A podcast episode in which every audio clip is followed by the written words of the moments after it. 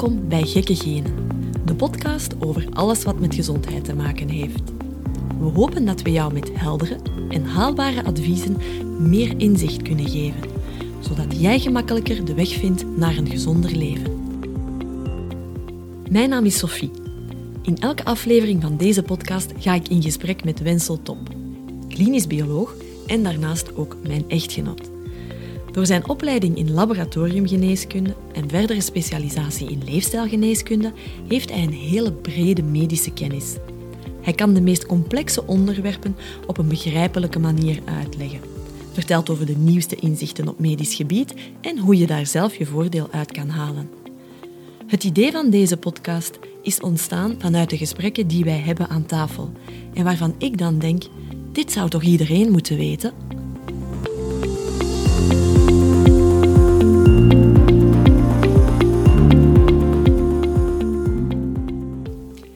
Deze aflevering willen we het hebben over chronische aandoeningen. Je hoort steeds meer spreken over chronische ziekten en veel mensen worden er zelf mee geconfronteerd of kennen wel iemand in hun omgeving met een chronische ziekte. Wat is dat juist, een chronische ziekte? Wel, een chronische ziekte uh, wordt in het Engels ook non-communicable disease uh, genoemd.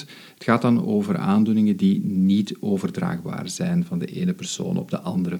En ze zijn chronisch, dat wil zeggen dat ze langdurig uh, blijven aanhouden, maanden, jaren en in veel gevallen zelfs levenslang. En daarmee onderscheiden ze zich van een acute ziekte, zoals bijvoorbeeld een infectie, die normaal gezien binnen de 1 tot 3 weken spontaan verdwijnt. En voorbeelden van deze chronische aandoeningen, die zijn er genoeg, want het is een hele grote en diverse groep. De meest voorkomende zijn hart- en vaatziekten, zijn suikerziekte of diabetes, zijn problemen met de luchtwegen, en dan gaat het vooral over allergie, en uiteraard ook kanker. Maar we zien ook een stijging in het aantal neurologische klachten. Dus denk aan depressies, eh, denk aan eh, de ziekte van Alzheimer, Um, ook andere aandoeningen behoren tot deze groep, osteoporose, auto-immuunaandoeningen, allemaal voorbeelden van uh, chronische ziekten. Ik zei al in het begin dat we er heel vaak over horen spreken. Um, komen ze effectief zo vaak voor? Wel, de cijfers zijn schrikbarend. Eén op de twee personen in België maar je kan dat uitbreiden uh, naar Europa en ook naar de Verenigde Staten. Eén op de twee uh, mensen heeft te kampen met minstens één chronische aandoening. En is dat dan in alle leeftijdscategorieën? Wel, het is vooral in de leeftijdscategorie 65 plus, maar we zien opnieuw een stijgende trend, ook in de leeftijdscategorie uh, tussen de 30 en de 65 jaar. Dus de kans dat je eigenlijk iemand kent in jouw omgeving met een chronische aandoening is wel zeer groot. Ja. Nu, uh, eh, 70% van de overlijdens zijn, worden veroorzaakt door die chronische aandoening. Dus dat is, ja, dat, dat is, enorm ja, veel. dat is enorm veel. Uh, en dat is een cijfer dat eigenlijk altijd maar blijft stijgen. Hè. Dus in 2000 was dat nog 60%, dus nu 70%. En er wordt voorspeld dat we in 2030, hè, dus dat 75% van alle overlijdens uh, veroorzaakt zullen worden door chronische aandoeningen. Het is een beetje paradoxaal, omdat um, een groot deel van die chronische aandoeningen, die zijn eigenlijk perfect vermijdbaar. Oké. En heb je een idee over welk percentage dat we dan spreken? Je zei een groot deel, dus het zal, zullen er allicht meer zijn dan dat ik zelf zou inschatten. Maar als ik een ruwe schatting moet maken, dan zou ik zeggen 35, 40 procent zou kunnen vermeden worden. Wel, het is een stuk meer. Dus het is 80% eh, van de chronische aandoeningen, dus 8 op 10, wat eigenlijk perfect eh, vermeden zou kunnen worden. Alleen voor kanker is dat een beetje lager, is dat 40%, eh, wat nog altijd een belangrijk percentage is. Oké, ik vind het een beetje vreemd, want onze geneeskunde die gaat er toch op vooruit, wordt steeds meer gespecialiseerd. Hoe komt het dan dat er zoveel chronische aandoeningen zijn en waarom is die trend stijgend en blijft die ook stijgend? Dat is een heel terechte uh, vraag, hè, want het is iets wat je niet zou uh, verwachten. Het is ongetwijfeld een complexe problematiek en er zullen heel veel oorzaken zijn die, die samenspelen om, uh, om tot een verklaring te komen, maar ik hou het meestal op, op vier oorzaken die, die, die, je kan, die je kan duiden. En, een eerste is het, het trage verloop van een ziekteproces van een chronische aandoening. Dus de, de, bijna alle chronische aandoeningen de, ontstaan op jongere leeftijd. Eh, op een moment eigenlijk dat je daar geen klachten of geen symptomen van, eh, van ontwikkelt. En dat we er eigenlijk ook helemaal nog niet bewust mee bezig zijn met onze gezondheid. Zo, zo is dat. Hè. Dus uh, het, het, het, kan een hele tijd duren, vijf jaar, tien jaar, vijftien jaar en soms zelfs langer, vooraleer de eerste klachten merkbaar worden en wanneer de eerste symptomen zichtbaar worden. Ja, en op dat moment gaat men er dan iets, iets, iets proberen aan te doen, maar het is net zoals bij, bij, bij kanker. Hè. Dus uh, hoe later dat je de diagnose stelt, hoe, hoe, groter de schade is en hoe kleiner de kans op genezing, groter de kans op vroegtijdig overlijden als gevolg van die chronische aandoening. Dus het is echt wel belangrijk dat we op een zo vroeg mogelijke leeftijd eh, beginnen te screenen naar mogelijke risico's om chronische aandoeningen te gaan ontwikkelen. En dat doen we veel te weinig, dus die screening. Dus we mhm. wachten eigenlijk te lang dus ook voor, om, om dan een diagnose te kunnen stellen. We moeten veel vroeger beginnen screenen. We doen dat te weinig en als we dat dan doen, doen we dat nog eens vaak op een niet optimale uh, manier. Dus dat is een, een eerste reden waarom dat we met zoveel chronische aandoeningen blijven zitten. Een, een tweede reden is omdat we te weinig aan primaire preventie doen. En wat is dat juist, primaire preventie? Wel, bij primaire preventie is het doel om het ontstaan van een, van een ziekte in een populatie, om dat te vermijden. Dus je gaat eigenlijk handelingen stellen, je gaat maatregelen nemen die ervoor zorgen dat uh, de ziekte in een bepaalde populatie niet gaat, zich niet gaat ontwikkelen. Ja. dus dat is primaire preventie. Um, nu, we doen te weinig aan primaire preventie. De overheid doet te weinig aan, aan, aan primaire preventie, omdat het, het, het, budget dat we daarvoor vrijmaken toch wel laag is. Dus 2,2 procent eh, van het totale budget voor gezondheidszorg gaat eigenlijk maar naar preventie naar preventie toekoer, want je spreekt dan over primaire preventie. Ik vermoed dat er ook nog een, een secundaire uh, preventie is. Ja, dat klopt. Dus, dus de, de, als je dan kijkt, dus het is, het is maar 2,2% van het budget. Dat is enorm weinig trouwens. Ja, dat is enorm weinig. En zeker als je dat gaat vergelijken eh, eh, met het percentage van het budget dat gespendeerd wordt aan het diagnosticeren, aan het uh, behandelen en het opvolgen van chronisch zieke mensen, dat is 70%. Dus als je dat eigenlijk gaat vergelijken met elkaar, ja, dan, dan, dan, dan is dat eigenlijk ja, een heel groot verschil. En dat is niet alleen zo in België, dat is ook in Europa zo. Het gemiddelde uh, budgetpercentage van het budget in Europa is 3%, dus dat is niet zo, zoveel verschillend met, uh, met, met België. Maar als je dan kijkt waar dat geld naartoe gaat, die 2,2%, dan is dat inderdaad vooral naar secundaire preventie, zoals je daar juist al, al zei. En wat is secundaire preventie? Wel, secundaire preventie is er vooral op gericht om een bepaalde ziekte in een zo vroeg mogelijk stadium te kunnen detecteren. En dat heeft natuurlijk alles te maken met het feit van hoe vroeger je kan uh, detecteren, hoe beter, uh, dus de, de, hoe gerichter en, en hoe, hoe doeltreffender de behandelingen kunnen zijn hoe meer kans je hebt op genezing en hoe minder kans dat je hebt eigenlijk om vroegtijdig te overlijden. En dat is wat er gebeurt. Hè. Dus, dus het, het, het, grootste deel van het budget, dus als we aan preventie doen hè, dus met de overheid, dan is dat vooral gericht op die vroegtijdige uh, diagnostiek. Hè. Dus uh, voorbeelden hiervan zijn, iedereen kent de screening op darmkanker. Ja. Het zijn dus de, de opsporen van bloed in stoelgangtubekes, dus die vanaf de leeftijd van 50 jaar aan iedereen bezorgd worden. Uh, iedereen kent de mammografie voor het vroegtijdig opsporen van borstkanker. Iedereen, uh, althans de vrouwen, hè, dus ik kennen uiteraard ook het, het uitstrijkje, hè, dus voor het vroegtijdig opsporen van uh, baarmoederhalskankers. Ja, en dat zijn dus allemaal, ja, dat zijn heel efficiënte uh, programma's hè, die er effectief ook voor gezorgd hebben, dus dat, de, dat de overleving van dit soort van kankers veel beter is dan vroeger. Maar ze worden niet vermeden. Je vermijdt de kankers er niet mee. Dus, uh, dus we, we, zien dus, eh, nog altijd dat, dat kankers meer en meer voorkomen. Uh, en dat ga je met, dit, met secundaire preventie niet vermijden. Je gaat ze vroeger detecteren, dus, maar je gaat niet vermijden dat de kankers is natuurlijk. Ja. Dus je moet eigenlijk echt daarvoor aan primaire preventie doen. Uh, dat zijn handelingen die erop gericht zijn om um, uh, het ontstaan van die ziektes, het ontstaan ook van deze kankers, om dat te gaan, te gaan vermijden. Dat doen we eigenlijk te weinig. Hè. Dus, um, een mooi voorbeeld daarvan is de, de, wat we ook gezien hebben tijdens de COVID-pandemie. Wel, we weten hè, dus dat, dat, dat, eh, dat bepaalde risicofactoren, zoals overgewicht en zoals type 2 diabetes, dat die heel duidelijk gecorreleerd zijn met een verhoogd risico op een ernstig verloop van een COVID-infectie en een verhoogd risico om te overlijden aan, eh, aan, eh, aan een COVID-infectie. En nogthans heb ik in de afgelopen twee jaar uh, heel weinig maatregelen gezien, om niet te zeggen geen, dus, die mensen zouden aanzetten om gezonder te gaan leven. Het was een hele mooie opportuniteit om mensen te zeggen van kijk, oké, je ziet dat dit soort van aandoeningen een verhoogd risico geeft dus om uh, uh, complicaties te doen als gevolg van ja, COVID. Er werd eigenlijk vooral gefocust op vaccinatie. Op vaccinatie, vaccinatie en nog eens vaccinatie. Maar goed, de echte oorzaak of de onderliggende oorzaak waarom dat mensen een ernstig verloop van een COVID deden, ja, daar wordt eigenlijk in naar gekeken. Dus, en dat is primaire preventie. Dus daar is eigenlijk, uh, daar, daar hebben we te weinig, te weinig aan gedaan. Nu, het is niet allemaal uh, kommer en kwel. Dus we zien bijvoorbeeld dat mensen als gevolg van de COVID-infectie zich toch bewuster geworden zijn van hun gezondheid. En dus een, een, een enquête, een recente enquête, heeft aangetoond dat 62% van de mensen uh, toch wel aangegeven hebben dat ze zich bewuster zijn van, van hun gezondheid en ook wel bewuster met hun gezondheid willen bezig zijn. Dus we hebben toch een klein lichtpuntje op het einde van de, van de tunnel. Ja, stel dat er dan van de kant van de overheid ook uh, aan preventie zou gedaan worden. Je hoort wel eens spreken over iets als een suikertax. Um, gaat dat dan het grote verschil maken?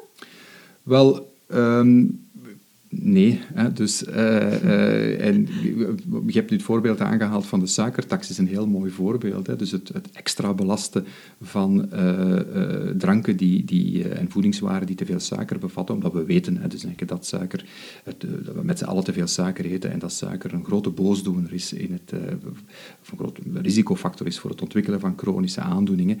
Um, maar wanneer de overheid die suikertax zou invoeren, ja, dat betekent niet dat, dat die, die dranken die frisdranken uit de rekken van de supermarkten verdwijnen. En dus het dit is dus de verantwoordelijkheid van, van elk individu ja, om die gewoon niet meer te kopen en, dus ja. en niet meer te verbruiken.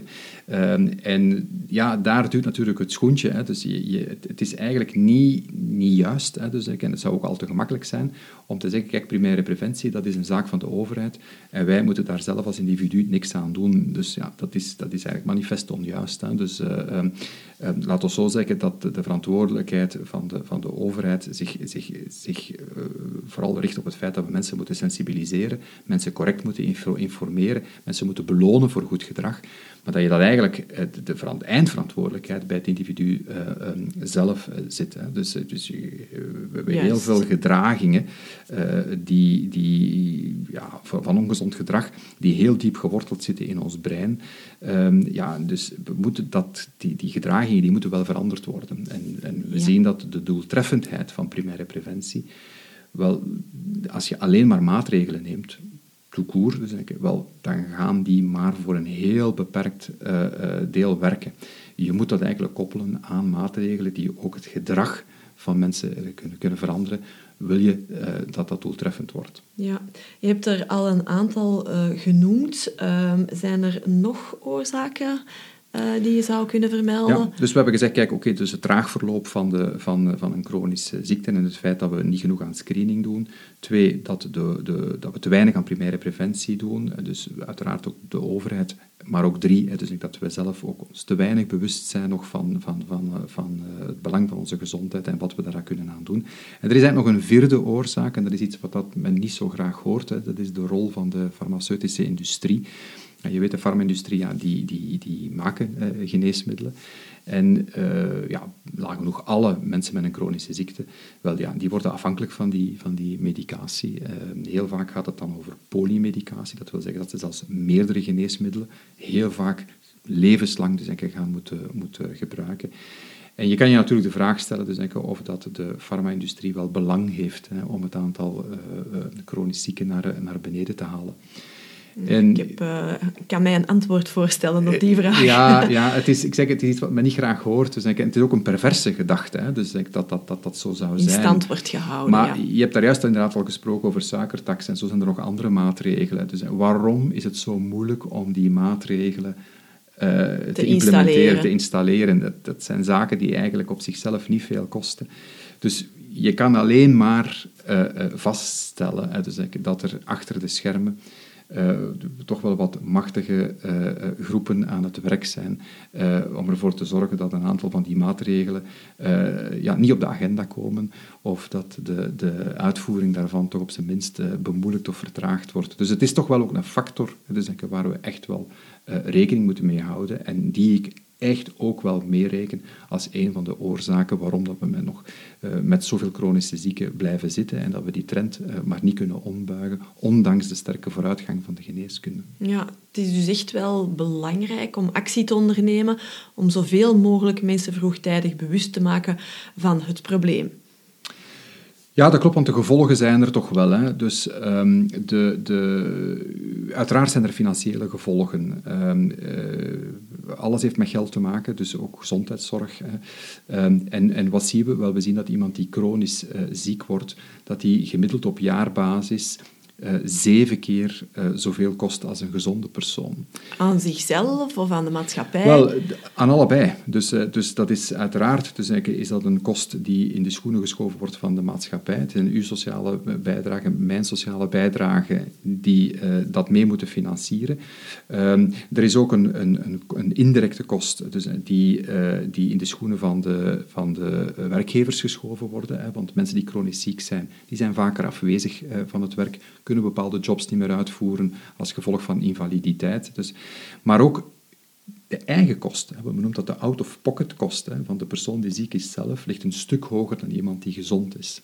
En um, het, het, loont dus echt wel de moeite om, om al op jonge leeftijd te investeren in, in betere gezondheid. Dat kost misschien wel wat geld, maar als je dat over je totale leven gaat bekijken, de investering die je daarvoor doet ten opzichte van de kosten die je zou hebben als je chronisch ziek wordt, ja, dan is de keuze erop gemaakt. Hè. dus, dus eh, dat is dus een goede investering. Die dat is een hele goede investering. Lange termijn. Niet alleen voor jezelf zeggen, maar ook voor de maatschappij. Dus dat is duidelijk. Maar dat is, oké, dat financiële, dat is altijd belangrijk natuurlijk, maar voor mij de belangrijkste reden om echt iets aan die, aan die uh, pandemie van chronische aandoeningen te doen, is de, de, de impact op, op de mens zelf. Dus iemand die chronisch ziek uh, wordt, wel, ja, dat is geen pretje. Hè. Dus uh, dat, dat heeft een fysieke belasting, dat heeft een emotionele belasting, dat heeft een, een, een sociale belasting. En wij zijn het eigenlijk allemaal maar normaal beginnen vinden dat je vanaf een bepaalde leeftijd niet meer zo mobiel bent, dat je eigenlijk afhankelijk wordt van, een, van, van medicatie. Het is eigenlijk helemaal niet, niet, niet zo. Dus, ja, dat, dat is ook zo. Iemand van 65, daar verwacht je bijvoorbeeld van dat hij langzaam begint af te takelen, dat hij inderdaad medicatie neemt, dat hij minder goed te been wordt. Dat ik zelf althans heb dat tot nu toe altijd als de normaalste zaak eh, van de wereld beschouwd. Dat is dus een belangrijk deel van het probleem, dat we dat gewoon zijn beginnen worden, dat we dat normaal zijn beginnen beschouwen. Dus ik, maar dat is niet normaal. Er is geen enkele reden waarom je op je zestigste uh, niet uh, blakend van gezondheid zou kunnen zijn en helemaal niet afhankelijk uh, zou zijn van, van, van, van medicatie. Um, de levensverwachting in, in België ligt op 80 jaar. Hè. Dus dat wil zeggen, iemand die 50, 60 jaar is, ja, die heeft nog 20, 30 hele gezonde jaren dus denk ik, voor de boeg. En, en, maar je moet potentieel gezonde potentieel, jaren. Maar je moet je natuurlijk wel beseffen dat je de basis daarvoor al op jonge leeftijd moet leggen. Dus iemand die uh, gedurende 10, 15, 20 jaar ongezond leeft, maar die gaat daar vroeg of laat de prijs uh, voor betalen. Ja. Uh, dus ik ken niemand die daar de prijs niet voor moet betalen. Er is no such thing as a free ride. Dus, um, dus het is absoluut wel belangrijk dat je daar op jonge leeftijd eigenlijk mee, mee, mee start. Niet alleen om financiële redenen, maar ook voor jezelf. Hè. Dus de je algemene welzijn. De, algemene, de belasting die, die, die, die je creëert, mentaal, emotioneel, fysiek, sociaal. Ja, dus we moeten eigenlijk echt wel onze individuele verantwoordelijkheid uh, meer opnemen. Want als we op de overheid moeten wachten, kan het misschien nog lang duren. Wel, ja, het is uh, om, omwille van de beperking dus in de budgetten en de overheid tot nu toe nog niet te veel blijk gegeven heeft dat ze er veel wilt uh, aan doen. Er wordt wel veel over gesproken, maar... Zelfs dat mis ik een beetje. Ja, goed, ja, er wordt al meer over gesproken, ik zal het zo zeggen, maar tussen spreken en tussen doen is er nog wel een groot verschil. nog eens, hè, dus de rol van de overheid um, is echt wel belangrijk in het sensibiliseren van de mensen, het geven van de juiste informatie, in het creëren van beloningen wanneer je eigenlijk goed gedrag vertoont. We missen dat eigenlijk een beetje vandaag. En bovendien zijn er ook een aantal factoren die je als individu moeilijk zelf kan controleren. Hè. Dus denk bijvoorbeeld aan omgevingsfactoren, zoals fijn stof in de lucht, zoals pesticidenresidu's op de voeding, zoals allerlei soorten van voedingsadditieven, de suikertax, en zoals we er juist al vermeld hebben. Dat zijn zaken waar jij als individu heel weinig kan aan doen en waar de overheid natuurlijk zijn verantwoordelijkheid moet innemen. Maar het klopt inderdaad dus dat, het, dat, het, uh, dat we zelf het heft in handen moeten, moeten nemen, dat we zelf die verantwoordelijkheid uh, moeten nemen over onze eigen gezondheid, dat we terug baas moeten worden over ons eigen lichaam en onze eigen geest. Ja. Jij bent gespecialiseerd in leefstijlgeneeskunde. Welke rol zou die daarin kunnen spelen? Wel, ik kan het misschien het beste illustreren aan de hand van een voorbeeld. Hè. Dus stel je hebt uh, depressieve uh, klachten. Wel, in een klassiek geneeskundig model, dus gaat men jou uh, in het hokje duwen van, van depressie. En, dan wat behandeling betreft uh, ga je uh, gestandardiseerde behandelingen krijgen, hè, zoals antidepressiva. Dus alle depressieve patiënten krijgen antidepressiva. Maar bij leefstijlgeneeskunde gaan we veel meer gaan kijken naar de oorzaak van wat loopt er fout in jouw lichaam, waardoor je die depressieve klachten uh, gaat, gaat vertonen. En dat kan van alles zijn. Het kan een probleem zijn met je stresssysteem, het kan een probleem zijn met de darm, dat kan een probleem zijn met voeding, dat kan een probleem zijn met slaap. Dus, hè. En dat gaan wij dat gaan we proberen te zoeken. Dus en als we de oorzaak weten, dan gaan we de behandeling ook afstemmen op die, op die oorzaak. Dus het is veel gepersonaliseerder dan de, de werking van de klassieke geneeskunde. En dus in grote lijnen, dus de, de leefstijlgeneeskunde onderscheidt zich van de klassieke geneeskunde door het feit dat we op zoek gaan naar de oorzaak, eerder dan gewoon louter een diagnose te stellen. En dat we, wat behandeling betreft, ons veel meer gaan inzetten op wijziging van leefstijlfactoren, van omgevingsfactoren, eerder dan terug te grijpen dus naar medicatie. Ja, oké. Ehm, er is heel veel informatie beschikbaar. Um, ja, ik kan mij een beetje voorstellen dat de mensen door het bos de bomen niet meer kunnen zien. Wat dat klopt. Er is heel veel informatie over gezondheid uh, uh, beschikbaar. Uh, en je kan je inderdaad de vraag stellen van welke informatie is nog betrouwbaar? Welke adviezen die daar overal gegeven worden, zijn nog zinvol? Precies. Ja, en dat is denk ik echt de reden waarom we deze podcastserie gaan maken. Hè? Dat, omdat we merken dat daar een nood aan is om, om informatie op een heldere manier te, te, te, krijgen. En dat te kunnen vertalen naar haalbare en betaalbare uh, adviezen die mensen kunnen uh, inspireren om gezonder te gaan leven. Dat is het doel van deze podcast. En dan zijn er natuurlijk ook enorm veel onderwerpen waar we kunnen over spreken. Um, welk onderwerp gaan we behandelen in de volgende aflevering? Wel, bij de, in de volgende aflevering gaan we uh, ook een link maken naar de naam van onze podcast, hè, Gekke Genen. Um, want we gaan het hebben over genetica en uh, epigenetica. Uh, dus um, is, het, is het risico op het ontwikkelen van chronische aandoeningen, wordt dat volledig bepaald door onze genen? Of is er wat meer aan de hand? En we zullen zien dat uh, bepaalde factoren, leefstijlfactoren, omgevingsfactoren, dat die wel degelijk ja, de werking van onze genen op een zodanige manier kan beïnvloeden dat die gekke dingen gaan beginnen doen. Uh, wat dan weer een negatieve invloed kan hebben op onze gezondheid. Dus dat gaan we uitleggen, uh, genetica, epigenetica, in de volgende podcast. Oké, klinkt alvast interessant. We willen jullie nu alvast bedanken voor het luisteren en we hopen dat jullie er volgende keer opnieuw bij zijn. Bedankt en tot ziens. Dank je voor het luisteren. Dag.